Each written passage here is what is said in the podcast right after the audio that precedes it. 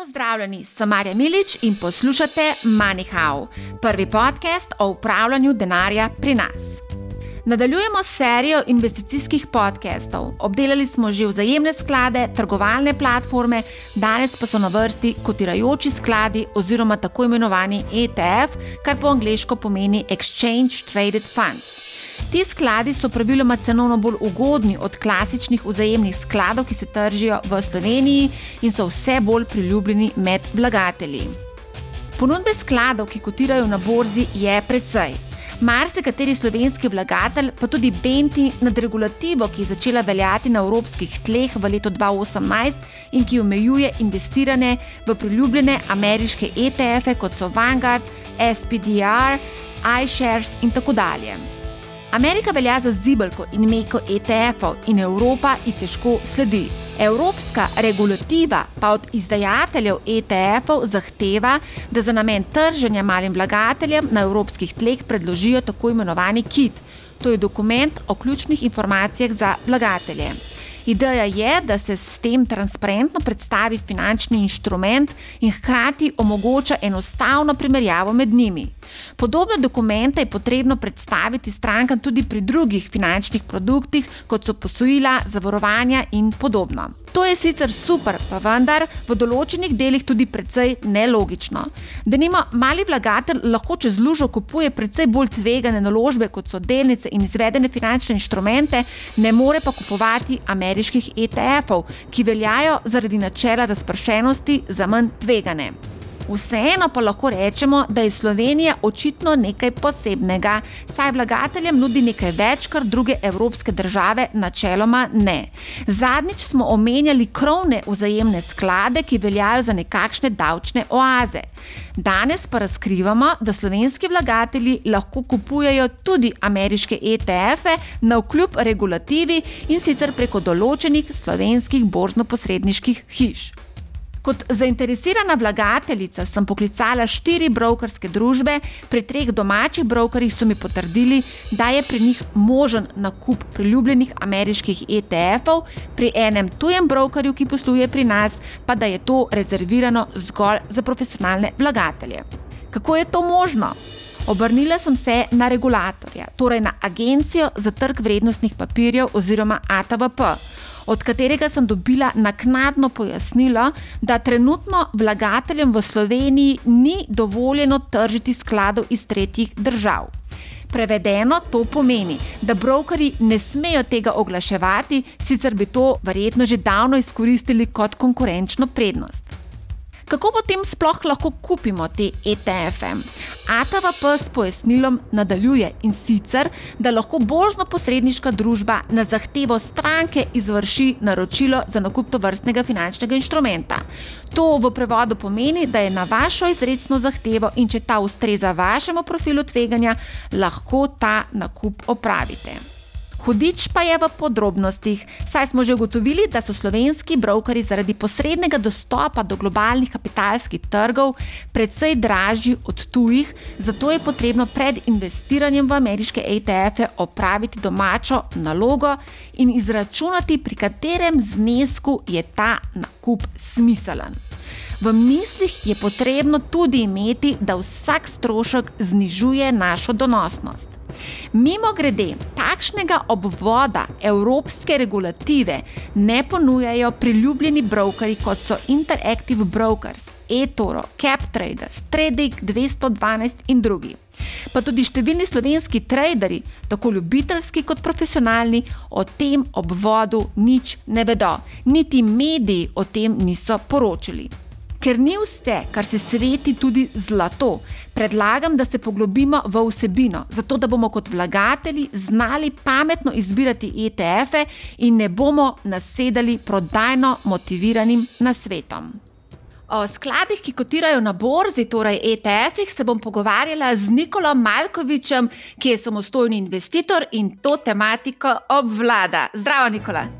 Živijo, Marja, zdravo. Evo, tvoj kolega Toni Jukič te je v prejšnjem podkastu omenil kot enega od pionirjev na področju izobraževanja glede trgovanja pri nas. Zato nekako računamo na te, da nas boš ustrezno izobrazil glede investiranja v ETF-e in vse pasti, ki nam grozijo, boš tudi seveda izpostavil.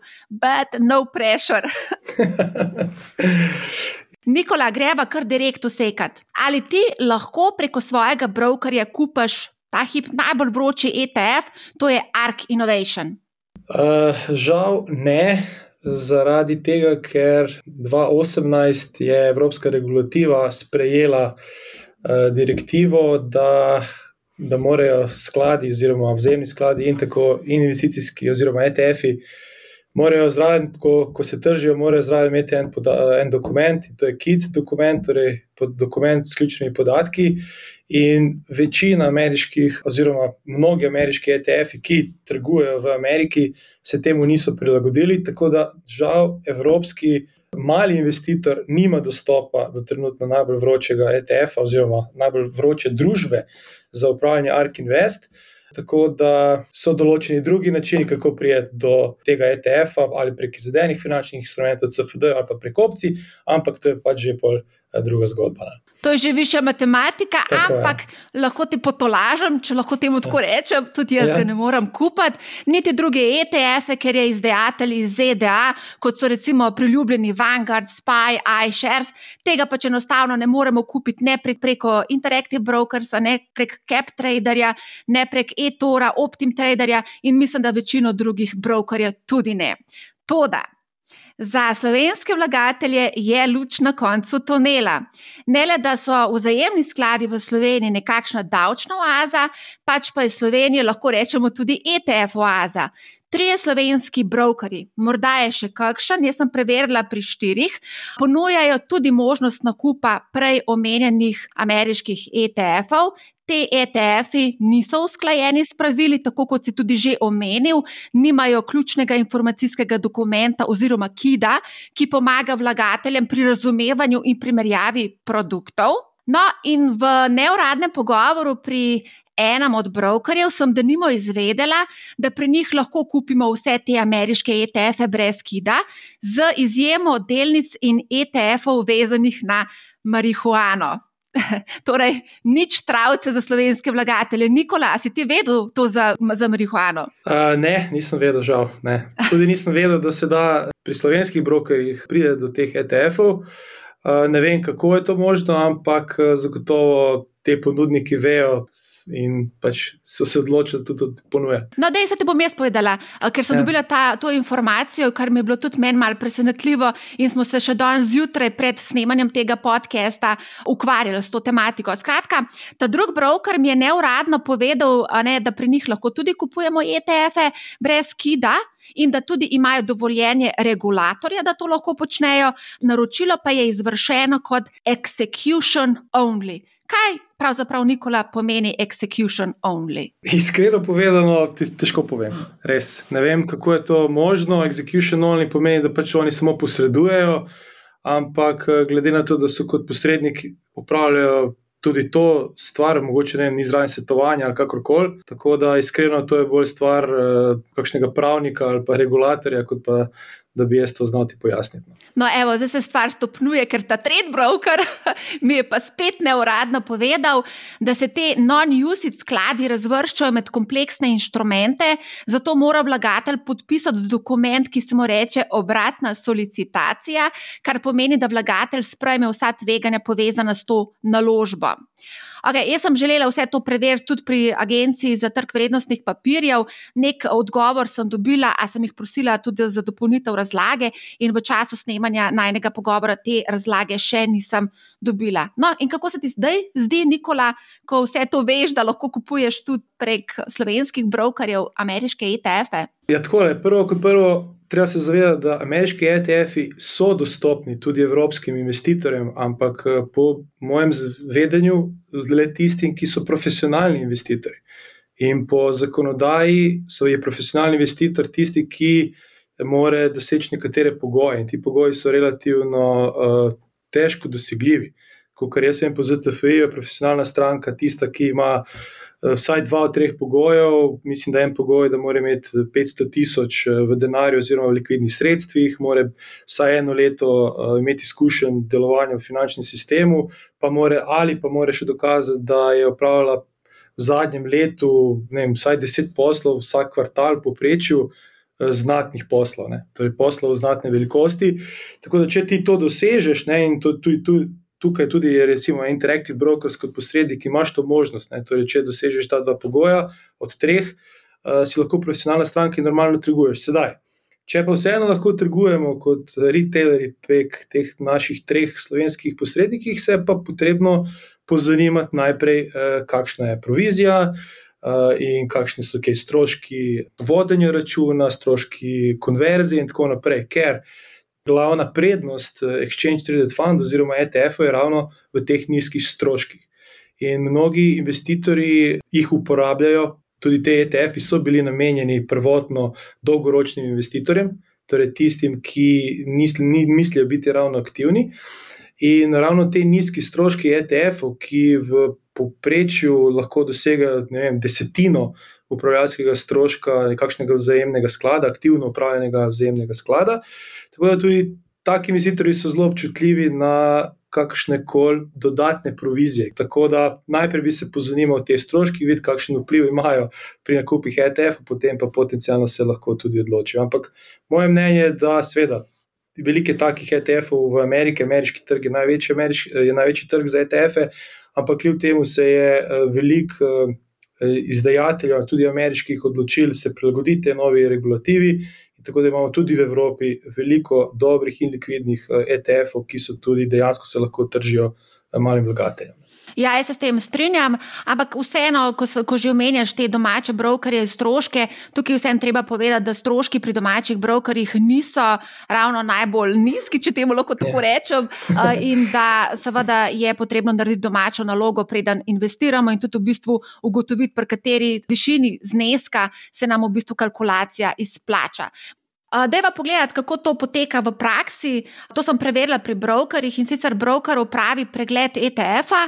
In če ta ETF ne uporablja vzvoda in ustvarja donos z nakupi samih delnic, temu strokovnjaki načeloma rečejo plain vanila, potem je kompleksnost naložbe nižja in zelo verjetno bomo lahko kupili delnice oziroma ETF-e preko tega brokerja. Prej pa je potrebno tudi spomniti uh, formular in sicer profil vlagatelja, in če bo ustrezal, potem lahko kupimo, če ne, pa ne. E, če slučajno imam profil vlagatelja, ta formular pred seboj, BKS mi ga je poslal, ker sem tam tudi stranka, da ga moram izpolniti in sicer ta profil vlagatelja, dokler ga ne izpolnim, ne morem trgovati preko njih. Le, a slišiš, šele stenje papirja. Ojoj, ja. Ojoj, točno to. No, ta obrazec in pa tudi druge obrazce moram dejansko uh, izpolniti v, na tej papirni verziji in jih tudi poslati po pošti. Na hitro ti povem, kaj piše gor. Piše znanje in izkušnje trenutno delovno mesto, potem imamo finančno stanje in zmožnosti pokrivanja izgube, iz kje dobivamo prihodke, recimo, potem naši naložbeni cilj in stopna spremljivega tveganja. Tukaj napišemo sami, kakšen je naš namen investiranja, pa kdaj bomo unovčevali sredstva. Dokaj klasičen dokument, ne, tudi za za odpiranje borznega računa, recimo, ali pa ne, pri spletnem brokerju, prav tako moraš izpolniti veliko teh podatkov. Ne. Pač to je zaradi tega, ker je regulativa takšna. KYC moraš narediti AML, torej Know Your Customer, oziroma eh, za preprečevanje financiranja eh, terorizma in pranja denarja. Tako da to definitivno verjamem, tudi delal sem v borzni hiši več kot deset let, da pravniki imajo to pokrito, seveda. Ali je to zdaj v redu ali ne, verjetno je, verjetno je bilo to skomunicirano z, z vsemi, eh, ali pa z regulatorji. Očitno pije vodo, bova pa še videla, kaj bo regulator povedal. Okay, druga vroča zadeva, ki je tudi nekako udarila na slovenski vlagateljski trg, je to, da je Ljubljanska borza napovedala uvrščanje ETF-ov na borzo. Ampak jaz bi to bolj proti koncu podcasta govorila o tem, ker je veliko stvari za pokomentirati pa mogoče ne bi že tako na začetku poslušalcem povzročala glavobola, če si iskrena. Zdaj greva pa na vsebino. Kruno Abramovič je večkrat v podkastu o vzajemnih skladih pojasnil, da so ETF-ji prav tako vzajemni skladi. Zato dajva najprej pojasniti osnove. ETF-ov. Kaj torej so ETF-i? Ja, v bistvu bolj, bolj bi lahko rekli investicijski skladi, ki kotirajo na borzi, ne, tudi samo ime pove Exchange Traded Funds. Da, zelo podobno kot vzajemni skladi, uh, razpršijo svoje premoženje, večinoma, če so pasivni, uh, kar je velika večina trenutno takih skladov, je, da sledijo določenemu indeksu in eh, ga probajo temu indeksu popolnoma slediti, z seveda zelo nizkimi stroški, za razliko od eh, aktivnih vzajemnih skladov. Ne poznamo seveda tudi indeksne vzajemne sklade, ki pa mislim, da v Sloveniji je samo par, recimo, da jih par, dve družbi za upravljanje mogoče ponujata, če se ne motim. Ampak problem je v tem, da aktivni vzemni skladi, seveda, od zadaj imajo analitike, upravljalce, tržnike in tako naprej, pravnike, in so te stroški definitivno uh, morajo biti večji, da lahko pokrijejo te stroške. Medtem ko pa pri ETF-u, ki določ, sledi določenemu indeksu, je to zelo enostavno, ne? ker te indeksi se zelo malo spreminjajo in naložbena politika se spremenja samo takrat, ko se dejansko indeks, ko izdajatelj indeksa spremeni svojo sestavo. Ne? Tako da, kar je tudi dobra stvar, je podobno kot uh, vzemni sklad, kot smo že rekli, da lahko zelo enostavno razprešiš premoženje. Po drugi strani pa to, da kotira na borzi. Ti vzemni sklad moraš kupiti direktno od družbe za upravljanje. Medtem ko pa ETF dejansko trguje tako kot običajna delnica, kot delnica Tesla, kot delnica Krke ali Apple, kakorkoli. Ko ti dejansko z nakupom ene delnice zelo enostavno razpršiš svoje premoženje med potencijalno košarico 50, 500, 1000, 2000 podjetij. To je zelo, zelo eh, enostaven način te razpršitve eh, premoženja, kar pomeni, da tudi je relativno ETF bolj likviden kot pa potencijalno vzajemni sklad, čeprav ta likvidnost se kaže mogoče v dnevu dveh, ne, ker recimo ETF lahko kupimo v času in prodamo v času odprtja borze, medtem ko vzajemni sklad dejansko kupujemo oziroma prodajamo po točki, ki je znana šele naslednji dan. Tako da tle smo vseeno lahko malce aktivnejši, ampak glavna, glavna prednost so pa predvsem te stroški, ki so zelo nizki in zato je ravno ta razlika med temi stroški se pokaže na dolgi rok. Samo še ena stvar, ki je tukaj pomembna. Ne? Ti stroški sami po sebi niti ne bi bili. Recimo nizki stroški, pa visoki stroški pri vzajemnih skladih, tako pomembni, če bi aktivno upravljali vzajemni skladi dosegali ali pa presegali svoje primerjalne indekse. In žal, trenutno takšna statistika je, da na dolgi rok, recimo 10 let, 15, 20 let, večinoma aktivni, pa 20% mogoče aktivnih vzemnih skladov doseže ali preseže svoj indeks. In ravno zaradi tega so indeksni skladi, ETF-ji, tako zanimivi, ker ta razlika se pozna precej, precej, ko je obdobje daljše. Torej, ko investiramo recimo 15, 20, 30, potencialno 40 let, se ta razlika res pozna. Tako da to je pomembno. Ne samo, da so malo nizke stroške, ampak tudi, da, ker meni ni problem, Marja, meni ni problem plačati, recimo, če se že glih pogovarjamo o Ark Investu, od uh, Katie Wood. Ona računa nekje od nič 8, nič 9, če se ne motim, za svoj največji sklad, Ark Innovation Fund. Super, meni ni problem dati 0,9, če ona naredi 200%, delniški trg svetovni pa naredi 100%. Ne, tudi meni ne bi bil problem narediti, dati, ne vem, karikiram kakšnemu aktivnemu upravljenemu vzajemnemu skladu, ki čuva nekje 2%, če bi on presegel ta indeks, ne? če bi on naredil vem, 5%, 10% več kot indeks v nekem roku 3, 5, 10 let. Recimo. Zato je nekako na daljši rok so mi ETF-ji definitivno boljša naložba. No če gledamo statistično. Ne? Mogoče tukaj, če lahko dodam, na desetletno obdobje so pri nas, mislim, da so bili trije skladi, ki so presegali svoj lastni benchmark oziroma kriterijski indeks. Tukaj se mi je pa zdel tudi argument uh, Krunota Abramoviča zanimiv, hmm. ki pa je povedal, da 100 odstotkov ETF-ov ne preseže indeksov. Ja, mislim, super argument, kar je dejansko res. Ne. Ampak po drugi strani pa ne, je pa statistika ta, da ker on je zelo lepo povedal. On je lepo povedal, da dejansko ti, ko daš aktivnemu upravljalcu, dejansko imaš možnost, da ga bo presegel. Ne. Ali pa upanje, da bo ga presegel, ali pa vsaj dosegel. Ne. Ampak žal statistika tega nam ne potrjuje in ravno to je ta problem. Ne. Če bi se to dogajalo redno, mogoče se da je tako ampak je to definitivno prekratko uh, obdobje. Ne?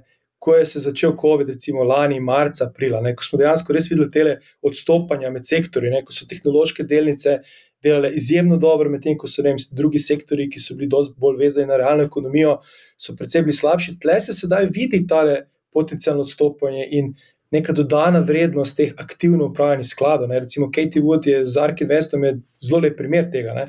in je zaradi tega, ravno ker je dosegla tako precej nadpoprečne uh, donose, privabila veliko denarja.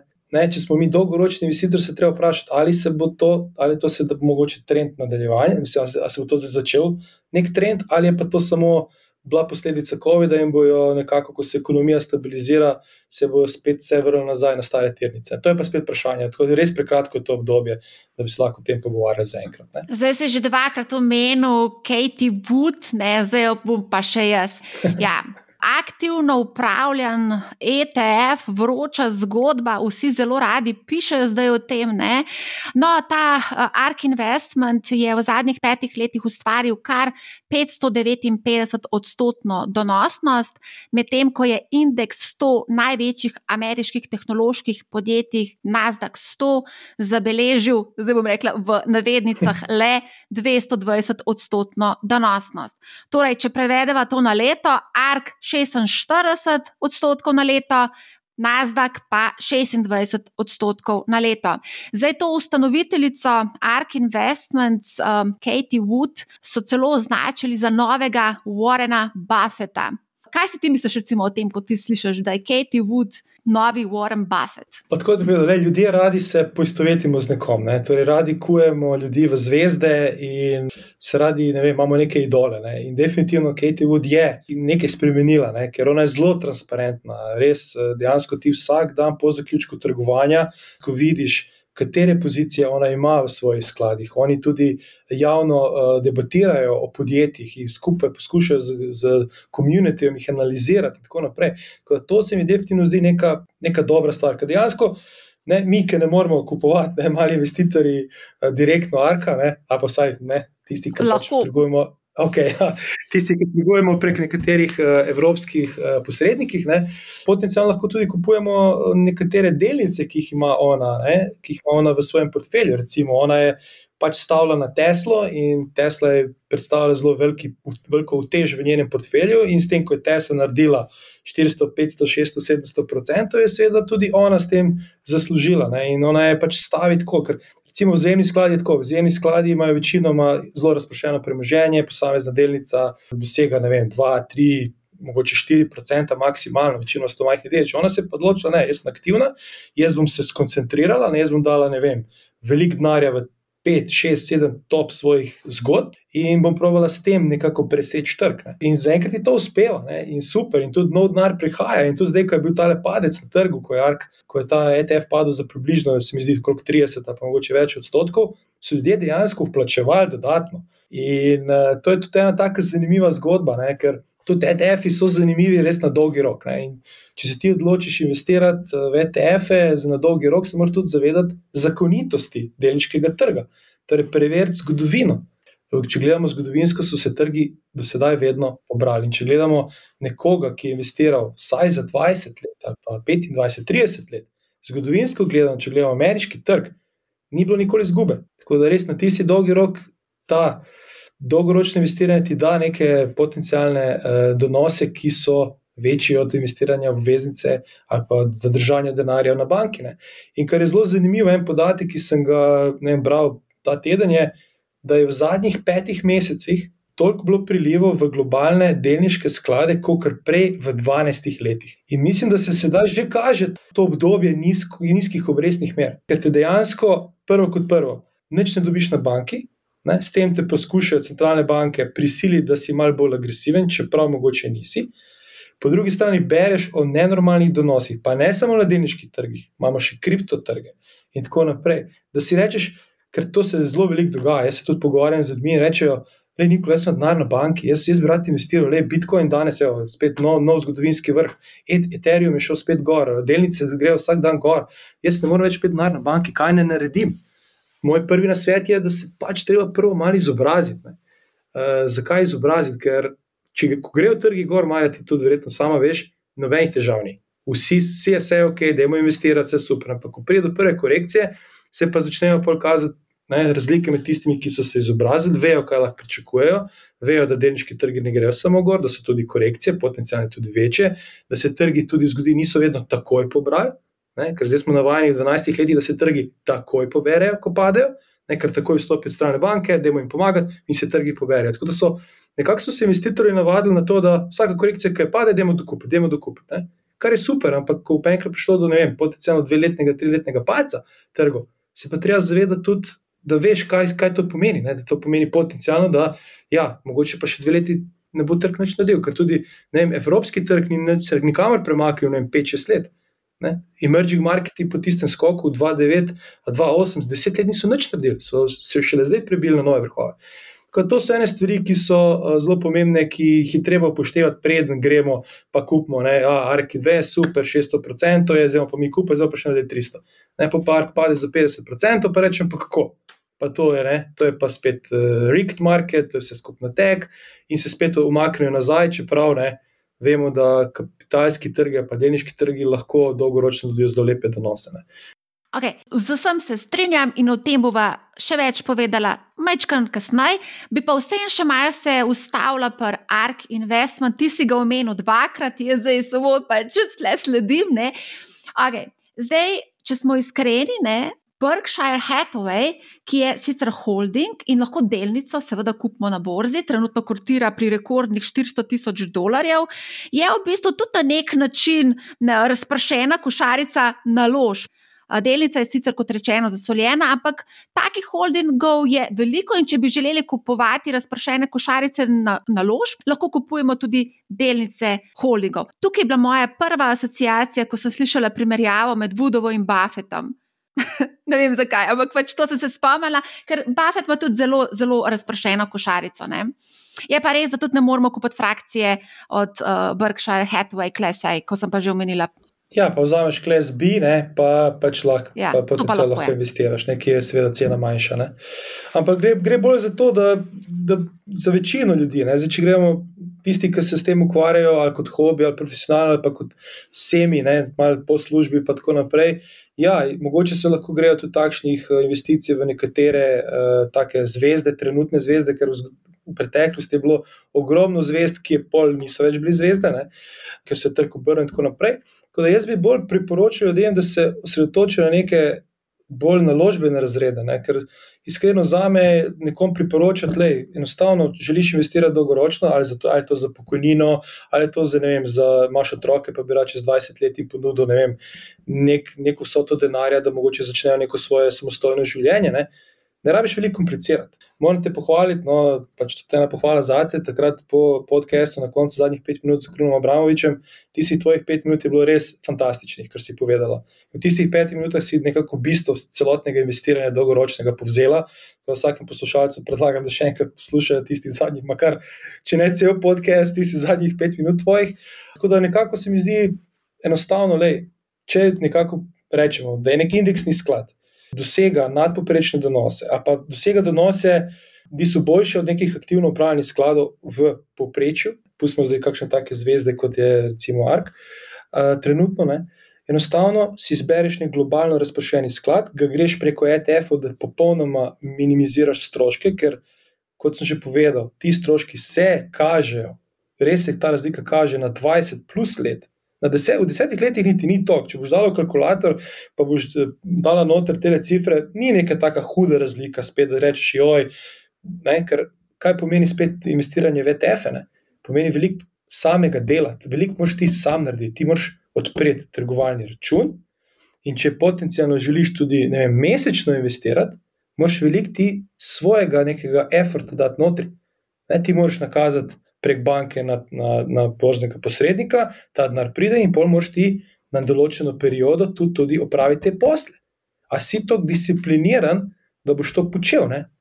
Tako da ni to samo, ja, da je moj ETF vse super. Ne? In dosti ljudi, kot opažam, jim se ne da ukvarjati s tem. Ne? In če se jim ne da, čeprav je trend, definitivno sedaj, ko, so, ko je trg vroč, je trend, da ljudje se izobražujejo in dajo veliko eh, na, na to. Ampak, lej, če se ti pa ne, ne da, a pa se nočeš s tem ukvarjati, enostavno pač veš, kakšne so posledice tega in investiraš v vzemne sklade, daš trajnik, mesečno vsak mesec 50, 70-100 evrov, kot pač je, in se ti lepo na dolgi rok, definitivno se ti bo poznal, da boš imel potencialno večji kupček denarja. Ne. Mene predvsej kličejo in ravno to mi govorijo. Radi bi investirali, ampak ne bi se pa radi izobraževali in kupovali ETF-e in gor in dol. In ja, druge variante ni kot da greš v vzajemne sklade. Nikola, zdaj mečka se bomo pa bolj skoncentrirali danes na ETF-e in kaj je pomembno, ko se odločamo pri izboru, ker teh ETF-ov je res malo morje. Omenila sva že, da sledijo indeksom. Recimo najbolj znani delniški indeksi so SP 500, Nasdaq 100, Dow Jones Industrial Average in še približno 5000 drugih indeksov, podindeksov in vse živo. Pol odločitve za izbor ETF-a je izbor indeksa in pa trga, ki mu sledi. Komu vse sledijo ETF-ji? Lahko mečkam tukaj razdeliva te skupine finančnih indeksov, trgov, ki jim sledijo in glavne ponudnike. Tako je, pri ETF-ih je res tudi to, lahko je ne, prednost, lahko je tudi slabo za nekoga, ki pač nima tega znanja, ker je preveč vsega. Ne. Ampak dobra prednost je za tiste, ki pač eh, vemo, da nam veliko ponujajo. Torej, mnogokrat lahko prek ETF-a kupimo določeno zadevo, ki je ne moremo dobiti, recimo, preko zemnega sklada. Uh, torej, prvo, kar je, da se ETF-i delijo na to, da sledijo določenim delniškim indeksom, borznim indeksom. Kot, kot si že povedala, v Ameriki imaš tudi borzni indeks na nemški trg, ki je DAX, imaš tudi borzni indeks na francoski trg, ki je KAK, imaš na kitajski trg, ki je ne vem, Šanghaj in tako naprej. Ne? In to je, da, da prvo investiraš v te delniške trge, potem pa lahko ti investiraš v določene regije. Ne, kot je recimo, jaz bi rad investiral v Evropo, investiraš v Evropo, jaz bi rad investiral v Azijo, ker je noter Japonska, Kitajska, Indonezija, Tajska in tako naprej. Rad bi investiral v Južno Ameriko. Ne. Potencialno pa tudi lahko greš bolj nišno in investiraš v določene sektorje, v katere verjameš. Srednjeročno, kratkoročno, dolgoročno, kakorkoli že. Lahko investiraš v recimo ETF, ki sledi panogi ne, letalskih družb, lahko slediš panogi solarnih, solarnih podjetij, ne. potem lahko medicinska marihuana, biotehnološka podjetja in tako naprej. In tako naprej. Tega je ogromno. Torej, če ti nekaj prebereš, neko zgodbo, skoraj je zelo verjetno, da lahko tudi investiraš v to. Kot sem že povedal, ameriški trg je tle dosti bolj razvit in res tam obstaja vsaka stvar, ampak tudi v Evropi se najdejo dokaj likvidni ETF-ji. Torej, to je prva stvar, da imamo res razpršenost, pa vsaj potencial, v kaj lahko investiramo. Po drugi strani se pa treba zavedati, da te, nišni, te nišne panoge so lahko nelikvidni, torej imajo majhno vrednost denarja v upravljanju in to je lahko tudi tveganje, ker dosti krat se izdajatelj odloči, da če je nek sklad ETF premajhen, da enostavno ga ukine. Pa imaš spet ne, problem, da jo ukine, spet to je prodaja, to je spet davčni dogodek, treba spet to uh, sporočiti uh, na davčno pravo in tako naprej. Ne. Kaj se zgodi z mojim denarjem, ko nekdo ukine ETF? Ti, v bistvu, ko, ko, ko ukinejo ETF, prodajo sredstva po tržni vrednosti in ti dobiš vrednost ETF-a po, po likvidacijski vrednosti. Tako da, če so to likvidne delnice, če so to delnice, potem ni velik težav, ne, to dobiš nekako to vrednost. Pa, pravi, imaš pa druge zadeve, moraš poročati, ker to odsvojitev, moraš poročati finančni upravi, ne, ker to gre za delniške naložbe in tako naprej. Ampak, če je likviden sklad, če niso to neki papiri noter, ki so nelikvidni, pa je cena in niti ne veš, kakšna je, potem se lahko to marsikaj, dosti krat zaplete, pa lahko dobiš precej niže ceno.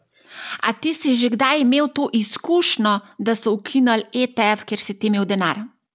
V bistvu, ja, sem. Ja. Dejansko sem, mislim, to je še ena stvar, ne, da se treba res pozanimati, v kaj investiraš.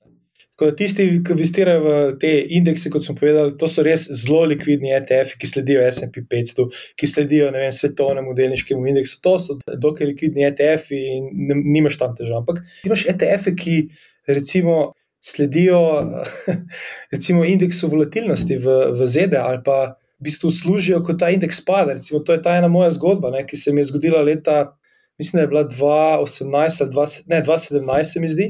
Ne, če se ti spomniš ETF-a eh, e XIV.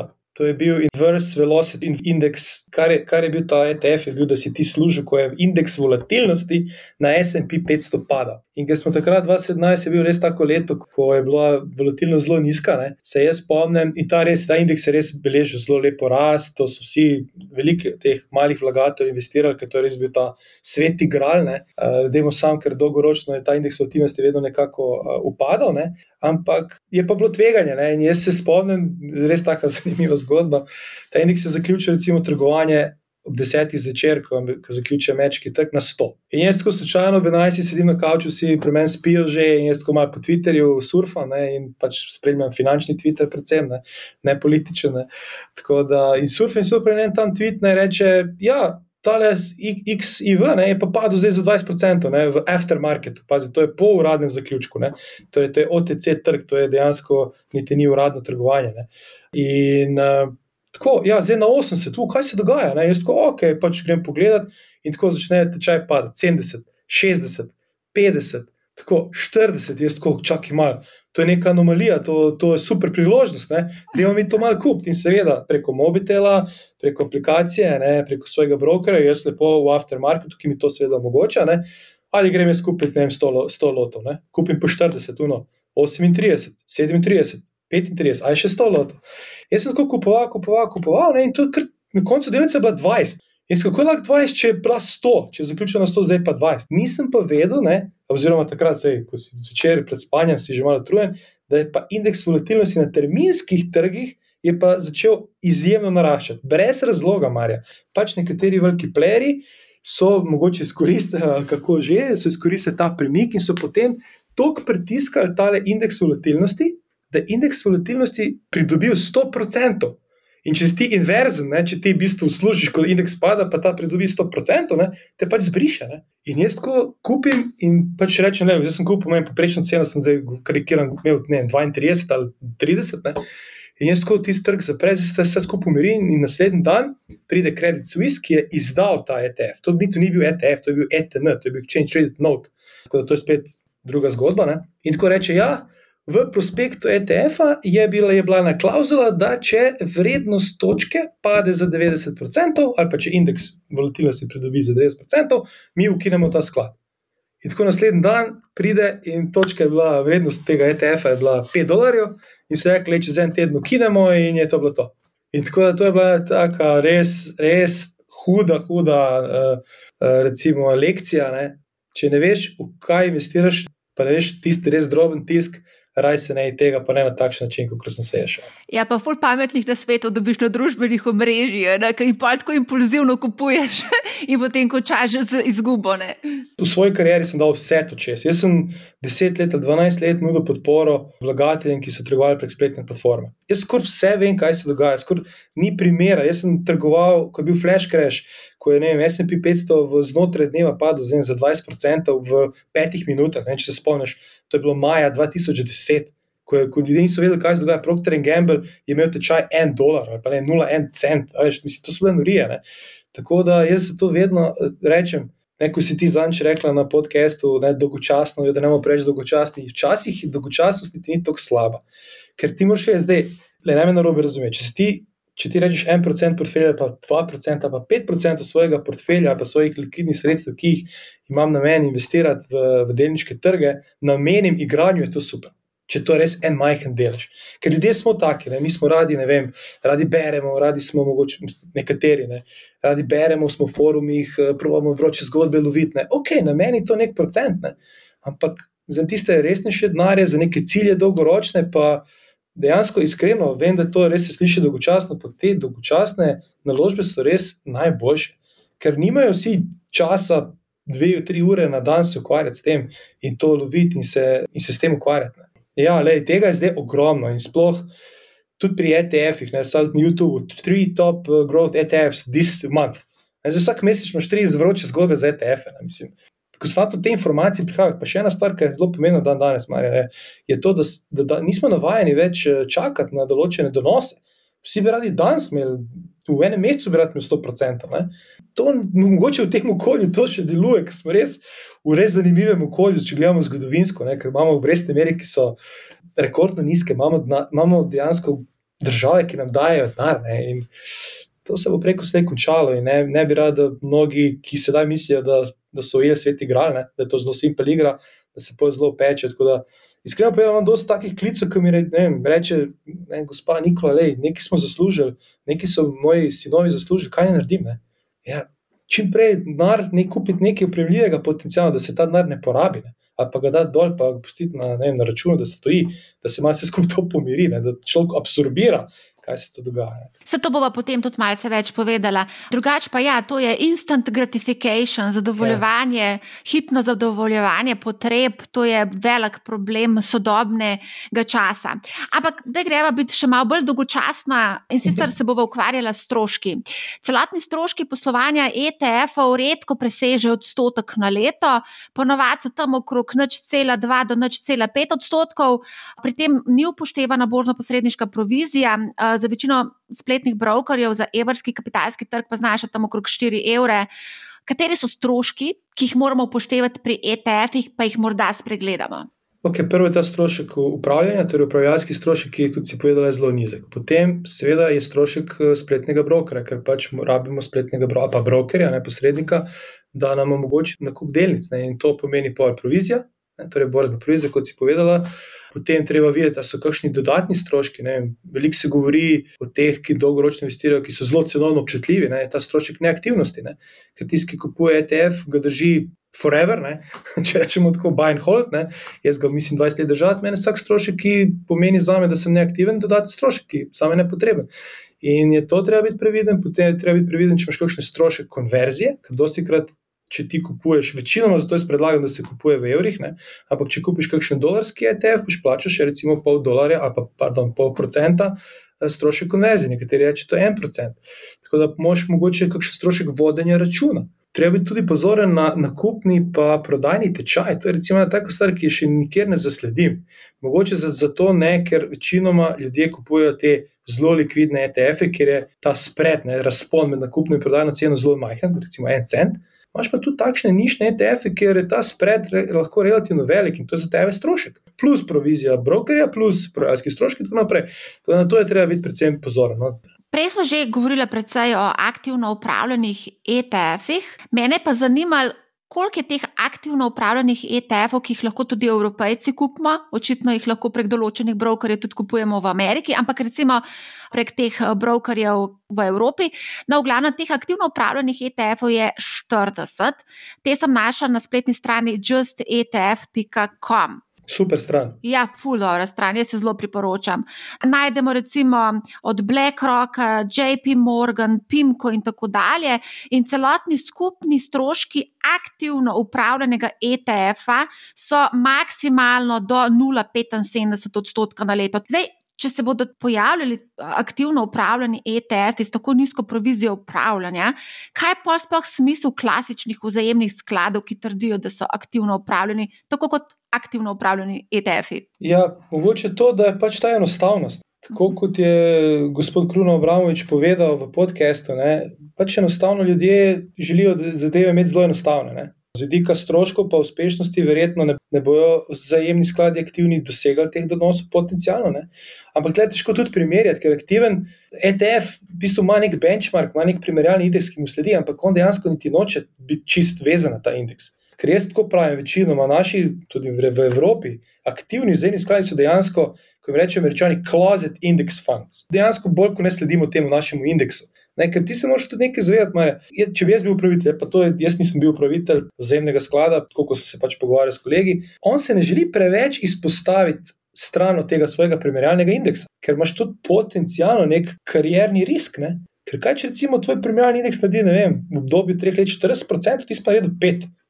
Ker si se izpostavil neke druge uteži tega sklada, ne mislim, tega indeksa in si pač falil. Ne? Tako da večinoma oni poskušajo biti izpostavljeni tako kot njihov primerjalni indeks, ampak bolj malo balansirajo te uteži. Ne? Mogoče malo več Apple damo, mogoče zdaj malo ta sektor damo večjo utež. Ne? Ampak če se vrnem nazaj, ne? enostavnost je pa še vedno neka zadeva, ki jo mnogi uh, dajo neko, neko vrednost. Ne? Mhm. Ali dodana vrednost, ne, ampak neko vrednost. Po drugi strani pa tudi imaš mnogo takih, ki enostavno ta nasvet potrebujejo. Ker, recimo, meni je zanimivo, da, da pri nas industrija svetovanja se ni razvila v smislu, da bi ljudje, pa pustimo zdaj, ti si to sama povedala, ne reguliran trg in tako naprej, zelo težko je tudi doseči najti kakšnega res neodvisnega osebnega svetovalca, ampak ljudje niso pripravljeni dati 100 evrov za svetovalno uro, ko bi rabili pomoč. Ker oni raje dajo potencialno v 20 letih toliko več za provizije, zato da ima nekoga, da ga, da ga lahko pokliče, se lahko pogovori ne? in tako naprej. Tako da, če govorimo o neki prihodnosti, mogoče še vedno ta enostavnost, ampak jaz mislim, da te mlajše generacije, ne, pa rečemo, ne vem, 40 dol, 35 dol, ne, se mi zdi, da nima več težav s tem, ker danes je vse na aplikacijah. Ima res upravljam spletno banko, nakazujem iz spletne banke, trgujem te dolgoročne naložbe preko mobitela. Tako da ni več to tako zapleten, kot je mogoče včasih bilo. Ne. Je pa se treba izobraziti, moš pa vedeti, kaj počneš, ker ko bo pa trg bil slab, ne, ko pa začel popuščati, pa moš vedeti, ne, tako kot sem že povedal, moš vedeti, zakaj se to dogaja in da se to dogaja. Prvi korak je vedno težek, ampak potem pa je ta enostavnost, to pa, to pa se strinjam. Ja, ja v bistvu vse tudi uh, odprtje trgovalnega računa pri brokerju je na začetku zelo težek. To mislim, zelo težek. Za večino je težek, ni tako enostaven. Ne? E, tudi moš ogromno formularja, pa ko enkrat to izpolniš, ne? je pa tudi e, pač, je lahko zadeva prek aplikacije in vse na, je zelo enostavno lahko to vse skupaj početi. Deva se dotakniti zdaj še ročnosti držanja. ETF-ov za vzajemne sklade nekako priporočljivo 5, plus, ne? kaj pa ETF-i? Iskreno povedano, 10, plus, če ne, rajši vidim 20. Plus. Predvsem tudi zaradi tega, ker seveda odsvojitev, prodaja ETF-a pomeni tudi davčno obveznost. Po 20 letih smo mi oproščeni davka po trenutni zakonodaji, če prodamo delnice ali pa vzajemne sklade. Žiga, ki sodeluje na našem Discord kanalu MoneyHow, kjer se pogovarjamo o investiranju, v bistvu je izpostavljeno zanimivo vprašanje. In sicer je vprašal, ali dejansko poznamo koga, ki bi redno mesečno uplačeval v ETF-e, ne pa samo govoril o tem. Torej, kako je to najbolj optimalno vzpostaviti, da je čim bolj avtomatizirano, tako kot pri vzajemnih skladih? Kako jaz tega to počnem? Prvo, kar narediš, je, recimo, da vsak mesec to, to delaš. Ne? Ti moraš pač pri mojem spletnem brokerju, ti moraš napovedati, da boš ti položil denar. Prvo, kar narediš, je, da rečeš, to bo ponovljajoči priliv. Potem pa žal naše banke ne omogočajo trajnika na spletne brokere. Vsaj jaz ne, bi, jaz ne vem, da se to da mogoče se da, mogoče ti marja to našla na kakšen način. Ampak recimo, da pol uporabljaš banko, recimo jaz uporabljam na 26, ne, ker imam, nimam dodatnih stroškov z nakazili, to je spet še en dodaten način, kako zminimizirati stroške. Ne. Enostavno vsak mesec lahko pošljem, že imam predlogo, enostavno samo enkrat na mesec vzamem čas, pošljem ta denar gor. Večinoma je to isti dan, pa naslednji dan pri brokerju, se logiram na aplikacijo in kupim. In ti, pri, vsaj pri mojem brokerju, recimo to Interactive Brokers, lahko ti tudi kupiš za vrednost. Ne? Ti rečeš, jaz, jaz imam vem, zdaj 200 evrov, kupi mi te delnice za 200 evrov in polno razdeli, koliko delnic lahko kupiš, pač brez teh frakcij, in enostavno ti kupi. Če ti malo stane, boš naslednjič pač to. In na ta način se meni zdi. Torej, ne rabiš se logirati v računalnik, ne rabiš uh, klicati bank, ne vem kaj, vse lahko to narediš preko telefona. Lej, ko sem jaz začela vlagati, ni bilo diskontnih brokerjev ali pa tako ugodnih brokerjev, provizije so bile noro, grozno visoke in si dejansko potreboval več sto, če ne celo tisoč evrov, da je bila naložba v ETF smiselna. No, in poprečni zneski slovenskih investitorjev danes, kot sem se z njimi pogovarjala, so. Relativno nizki, recimo par sto evrov. Pri katerem znesku bi rekel, da je smiselen nakup ETF-a? Kje je ta točka preloma? Je mene je presenetila, ta točka preloma je res presenetila. Ker rekel sem, da v kalkulatorju že pri 100 evrov lahko ti dosežeš, pa govorimo zdaj pri desetih letih, že večji donos, kot pa če bi recimo investiral v zemne sklade. Ne? Pa tle sem seveda upošteval, da oba sklada, mislim, ETF in zemni sklad dosegata bruto 7% in donos, potem sem dal 2% upravljalske provizije pri zemljem skladu, ni cela 2%, kot je recimo en sklad, ki je globalno svetovno razpršen na delniške trge. In še dal sem tudi vem, 8 evrov na, za nakup, jaz sem takrat dal 8%, sem zbral noter v kalkulator. In na, po desetih letih sem imel ve, večji donos, kot pa recimo, če bi investiral v zemlje sklade. Zakaj je temu tako? Ne? Ker tu, če ti plačeš 8%. Ne, ker ta 8%, 8 evrov na 100 evrov, je isto, kot če bi plačal 8% stopne stroške. Mi, moramo se zavedati, da vstopni stroški nimajo take uteži, kot pa je razlika v upravljalskih stroških, ki ti vsak dan malo zajeda in vsak dan in to traja leta in leta in leta, tam gre samo za enkratni, enkratno razliko. In to je meni, recimo, zelo presenetilo, da se da, ker se vedno, vedno so se pogovarjali vem, o 400 evrih, 500 evrih, 1000 evrih, kot si ti povedala. Le, jaz sem pač izračunal in že na 100 evrov pride do te razlike. Jaz sem se tudi igrala s tem tvojim kalkulatorjem in sem ugotovila, da manjši kot so vložki in krajša je doba drža, držanja, bolje je kalkulacija v prid vzajemnih skladov. Tako je. Sploh, če upoštevamo recimo vrčevalne načrte, kjer so vstopni stroški nižji, ali pa se jim lahko celo izognemo v določenih primerjih. Tako je. Je definitivno treba pogledati tudi ponudbe. Ne? Je pa res, da pri določenih vrčevalnih načrtih, kjer tudi ni vstopne provizije, doskrat, vsaj kar jaz vem, da se je kaj spremenil, te tudi nekako v navednicah prisilijo, da ne moreš zbirati glih zajemnih skladov, rečeš lahko teh štiri sklade. Ne. Ker recimo, ne vem, jaz bi rad investiral v nek zajemni sklad, ki ima najnižjo upravljalsko provizijo, rad bi imel vrčevalni načrt, ali lahko tudi brez stopnih stroškov stopim. To ne vem, če to obstaja trenutno na trgu v slovenskem, vsaj, ampak če ja, je to super, fenomenalna zadeva. Jaz vedno svetujem pri kateri koli zadevi, vedno vprašaj za popust. Oziroma pri investiranju v vzajemne sklade rečem vedno, če že greš investirati, vprašaj, če ti dajo brez vstopnih stroškov. Nekje boš mogoče uspešen, druge pač ne boš uspešen. Ja, le, konkurenca je na trgu. Ja, točno to. Če ne vprašaš, ne boš dobil. Ne? Točno to. Če ne vprašaš, ne veš. Da pa se dotakniti dividend. To je pač pomembno vprašanje, ko se ukvarjamo z ETF-i. Sploh, ko govorimo o daji napovedi za odmero dohodnine, je to lahko predvsej velik glavobol. Če imamo tako imenovane distribucijske ETF-e, torej te, ki izplačujejo dividende. Včasih gre pa za tako mizerne zneske, da se mi zdi, da marsikdo tega niti ne prijavi. Kako je torej s tem? Ja, v bistvu postajata dve vrsti ETF-ov. En ETF-ji so distribucijski, torej, ki dejansko izplačujejo dividendo, ki jo dobijo, ne? Drugi so pa akumulacijski, podobno kot vzemni skladi. Oni sprejmejo te dividende na sklad in jih potem reinvestirajo. In ti dejansko nimaš davčnega dogodka, dokler dejansko ne prodaš teh delnic. Ne. In jaz priporočam vsakemu dolgoročnemu vlagatelju, ki ne živi od teh pasivnih prihodkov, ne, kar pomeni, da nima nekega hudega, velik, hudo velikega portfelja, da lahko dejansko živi od teh ne, dividend, ne, da izberejo akumulacijski ETF in s tem, ko zberejo ta akumulacijski ETF, tudi optimizirajo davke. Ker dejansko, recimo, recimo en sklad, ki ima uh, domicilno državo Irsko, oni plačajo recimo na eno dividendo iz Amerike, plačajo 15%, ker imajo ta sporazum o, o dvojnem obdavčevanju. Plačajo 15% v ZDA in pol ta, teh 85, ki ostane, dejansko reinvestirajo.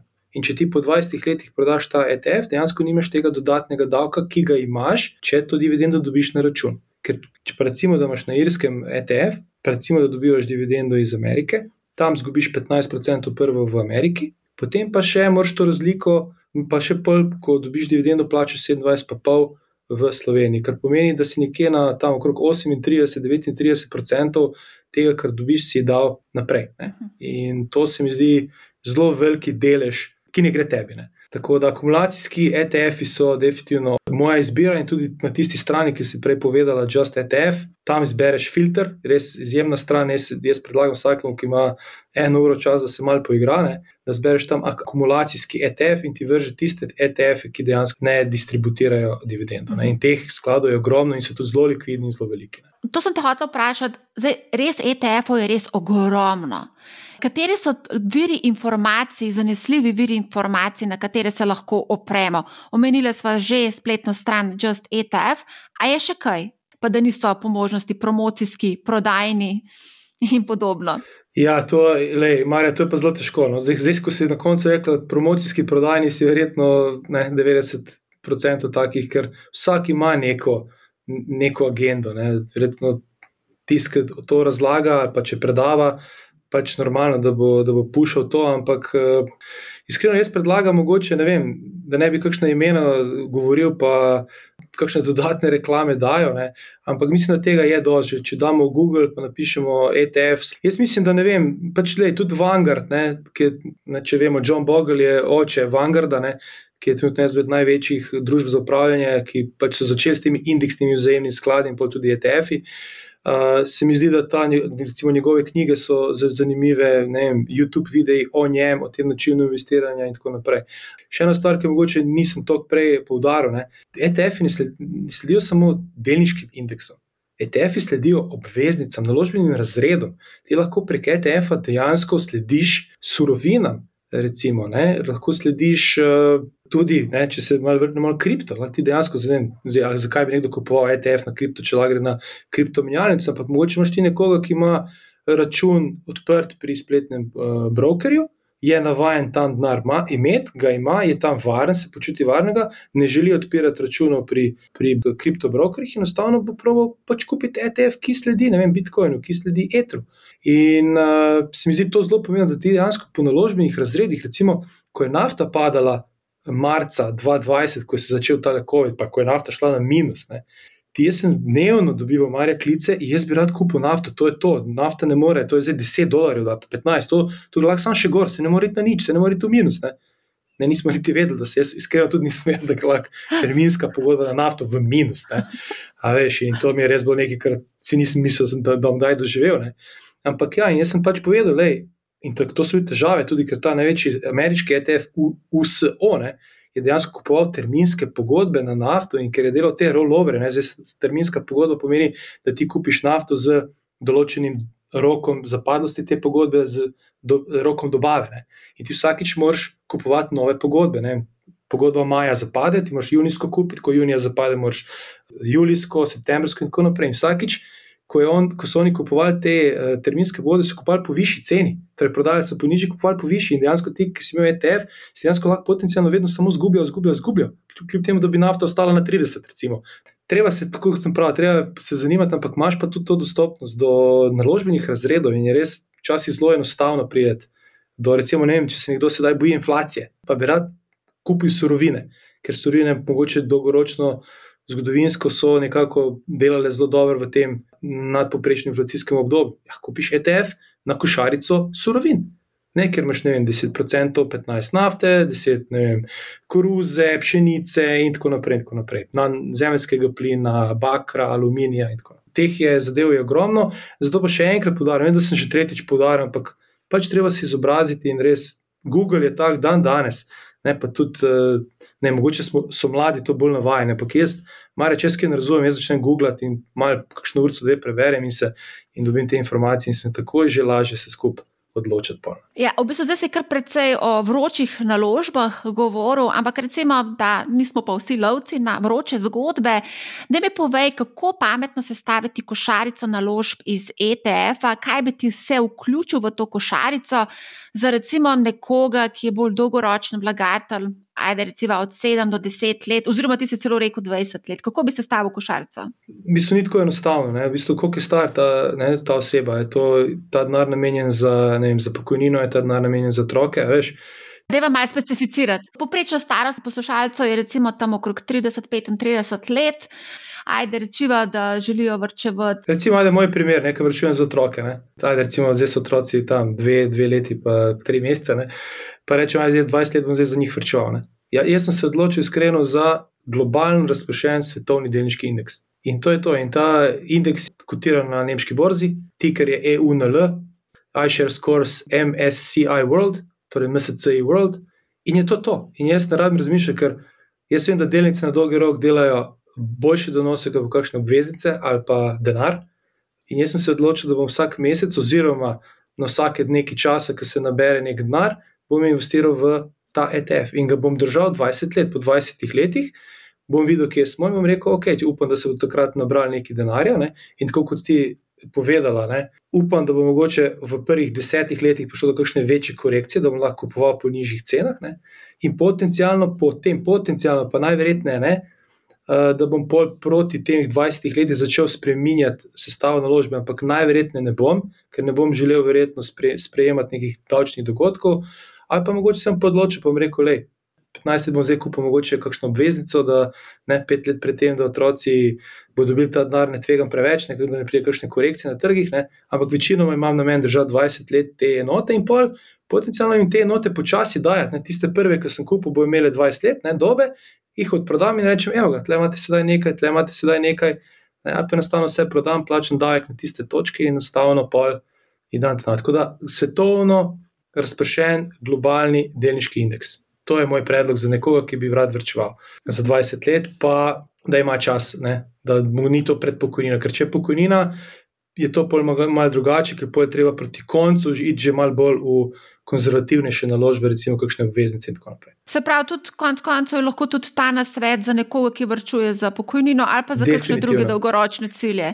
Jaz tudi ponavadi kar predlagam razpršeno košarico globalno, ker to je najlažje. Ne? Ja, pa ne rabiš imeti pet ETF-ov, ker ti s tem, le ti bi lahko kupil, jaz bi lahko kupil evropski ETF. Lahko bi kupil ameriški ETF, lahko bi kupil kitajski ETF, lahko bi kupil unga, unga, unga.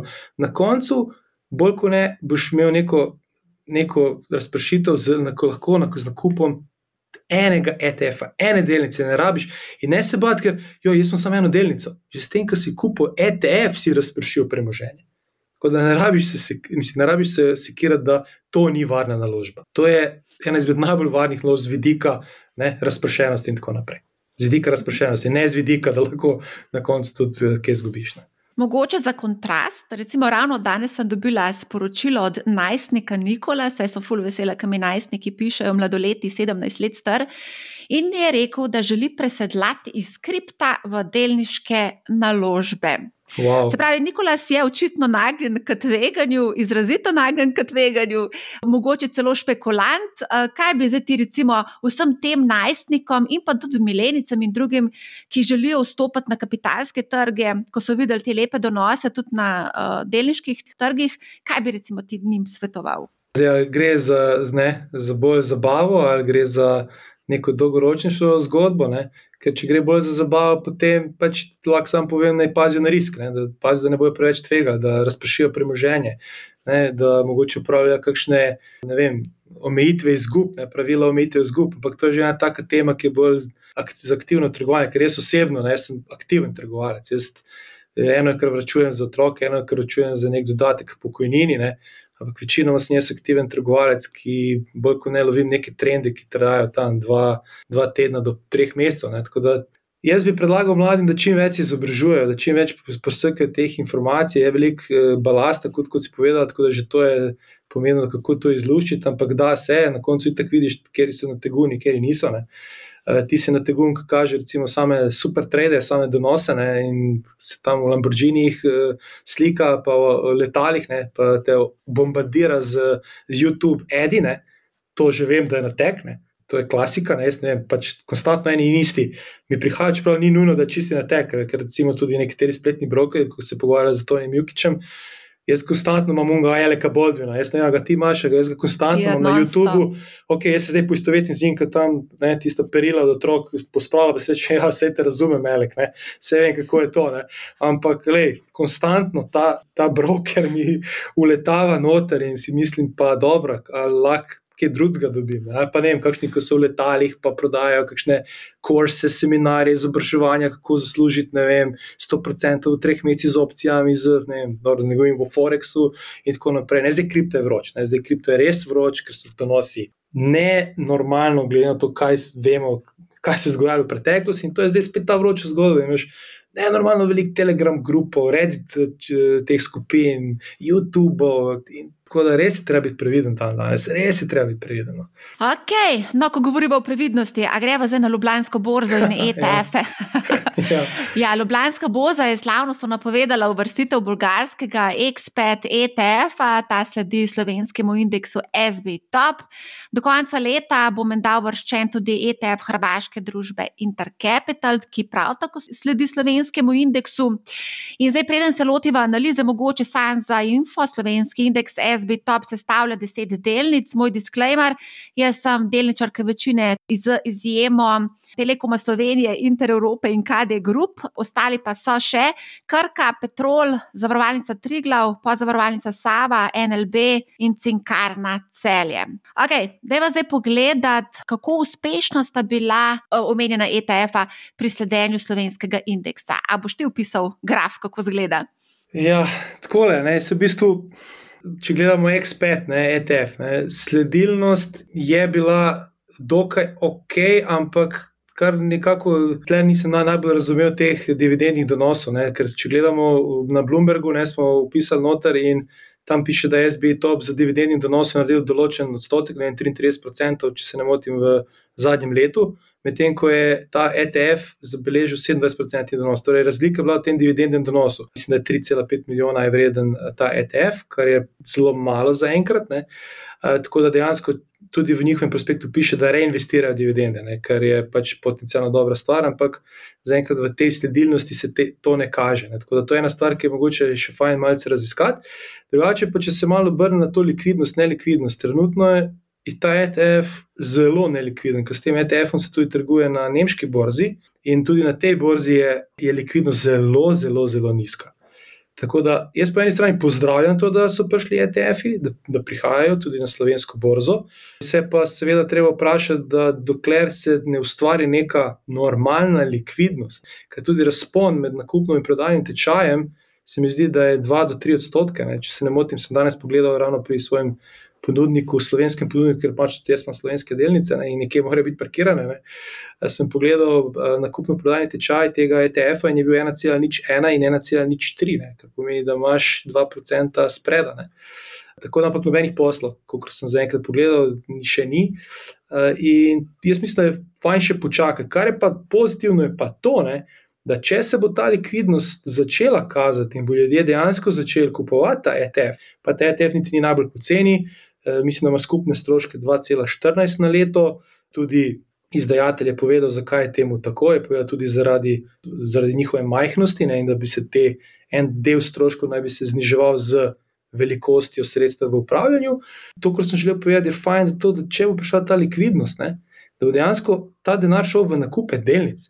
In dosikrat v zgodovini ne, so ravno novi ETF-ji, ki so bili skreirani, so pomenili začetek nekega novega bikovskega trenda. Recimo, jaz se zelo dobro spomnim, ko so v ZDA eh, začeli trgovati tale ETF na zlato, na fizično zlato, GLD, ne, GLD. Takrat smo videli nov, nov bikovski trend, pa začetek enega bikovskega trenda na zlatu, ker je ogromno denarja prihajalo v te ETF-e, upravitelj ETF-a je moral kupovati fizično zlato in s tem je povečeval ceno, in je to se odražalo v višjih cenah. Tako da nekako jaz upam, pa s tem, ko pride tudi od Intercapitala na slovenski trg, da s tem, s tem instrumenti resnično upam, da bo se tudi likvidnost začela kazati.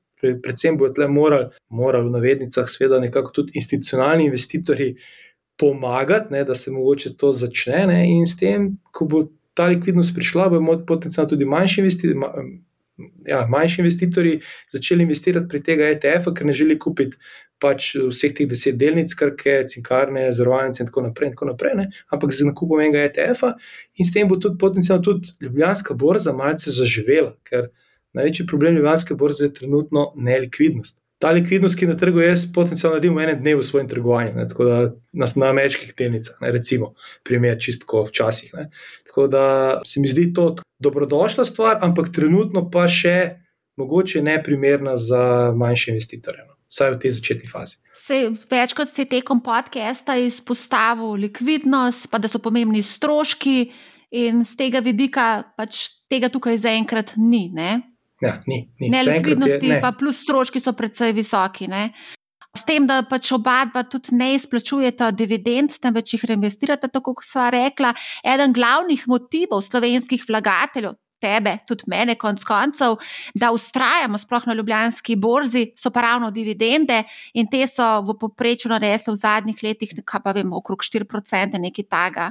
Ne? In po logiki stvari bi morala torej na dolgi rok celo presegati indeks SBI top, saj se ta ne izračunava na način, da se upošteva tudi reinvestiranje dividend. Ne? Tako je, tako je. Tako da upajmo, no, se pravi, da imamo pustiti čas v čas, da vidimo, da se to malo začne gibati, ne pol leta, tri mesece, pol leta. Pa, pa ko bomo imeli več podatkov, imeli, bomo pa lažje tudi prišli do kakšnih sklepov in se tudi lažje odločili o samem nakupu ali pa ne. ne. Se strinjam, počakajva še malo, ker zdaj zares ni nekako dosto primljivih podatkov. Leto sicer X5 je nekoliko bolje posloval kot zadnja leta, ampak to je absolutno prekratko obdobje, da bi lahko v bistvu nekako na podlagi tega ocenjevali karkoli. Ne. Sploh pa, ko se že večkrat omenil, bolj ko gremo v nišo in Slovenija je niša, je cel kup enih problemov in če v bistvu želimo investirati denar razpršeno, globalno, pol mogoče ti nišni skladi, tako vzajemni kot ETF, nekako ne pridejo v poštev. Se popolnoma strinjam, da dan danes, ko imaš z enim klikom, lahko kupiš delnico ali ETF ali nekih hudih, velikih korporacij v ZDA.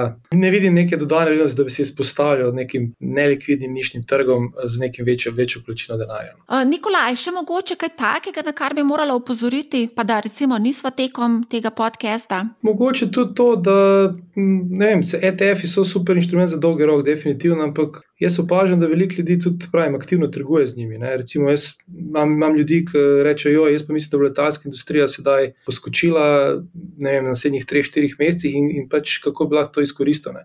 Tako da je, jaz dobivam veliko takih tudi vprašanj in se mi zdi, da tudi ETF-ji so zaradi tega, ker lahko ciljajo res nek tak specifičen semen, zanimivi tudi za relativno kratkoročno investiranje, če lahko temu tako rečemo. In pač ja, vemo, da treba plačati davke, treba izpolnjevati formularje, ampak jaz tako pravim, ko enkrat to izpolniš, ko enkrat daš čez ta proces, tudi to pol več ni tako težko. Še razen, seveda, če imaš veliko poslov, pa, pa pač si najdeš nekoga, ki ti bo tle pomagal, mu pač plačaš tisti nek dodaten strošek in enostavno pa vseeno poskušaš izkoriščati te premike. Tako da ETF, ja, so zanimivi za na dolgi rok, definitivno zaradi svoje stroškovne učinkovitosti, ampak so pa tudi zanimivi zaradi tega, ker lahko res neke svoje poglede, ki jih imaš, ker ljudje veliko beremo in gledamo. In če imaš nek pogled, recimo, meni osebno zelo dopade medicinska marihuana v ZDA, ok, grem pogledat na Just ETF, a imamo kaj tazga, ki je zanimivo. Ja, pa gledaj, pa en ETF, ki investira tudi v v ameriške te proizvajalce medicinske marihuane in pač probaš investirati in probaš videti, kakšen trend. Ne. Ali pa prek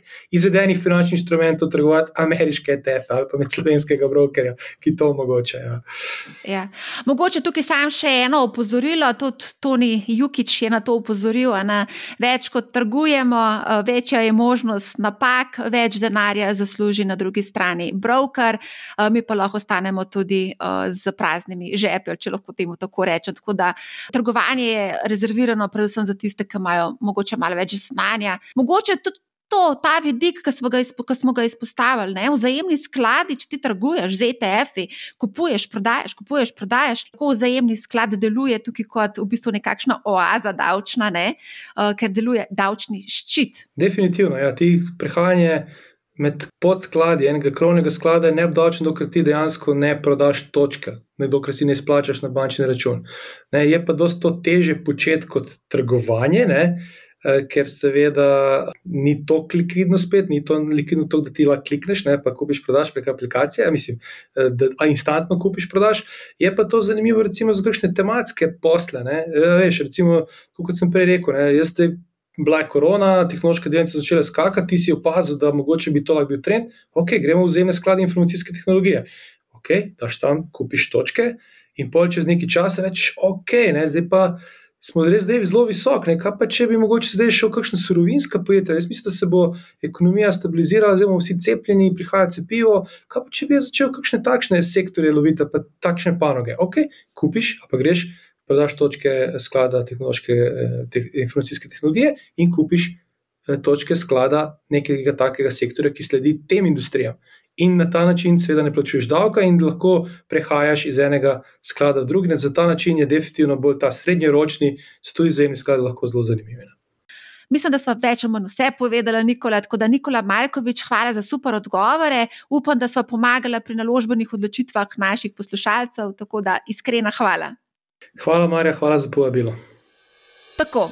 V zadnjih treh tednih smo obdelali vzajemne sklade, trgovalne platforme, ETF-e.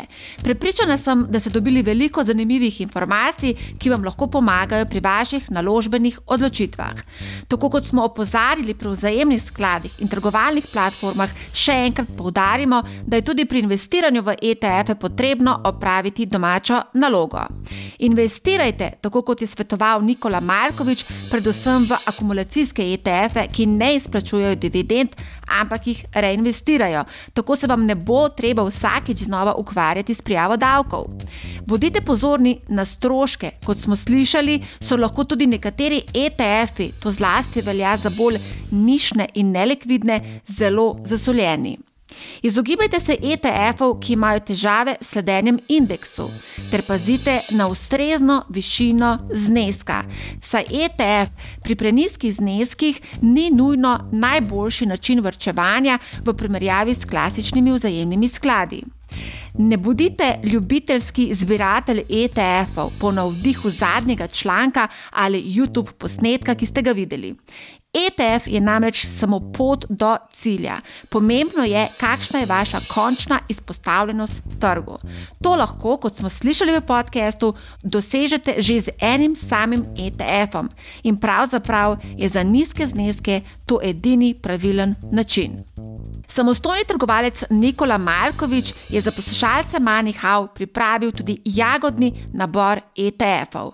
Tega bomo objavili na naših družbenih omrežjih Manihau ali na mojih kanalih Marja Milič. Povezave bodo na voljo tudi v opisu podcasta. V naslednjem podkastu bomo povezali ključne ugotovitve in spoznanja ter pokomentirali aktualna dogajanja. Naročite se na podcast Manihau, zelo bom vesela, če boste posredovali informacije o podkastu prijateljem, znancem, sorodnikom in vsem, za katere menite, da bi jim lahko vsebina koristila. Če imate kakršno koli vprašanje, mi pišite na marja.afna.businessspace.com ali preko katerega od družbenih omrežij. Poslušajte Manihau, ne bo vam žal. Lep pozdrav!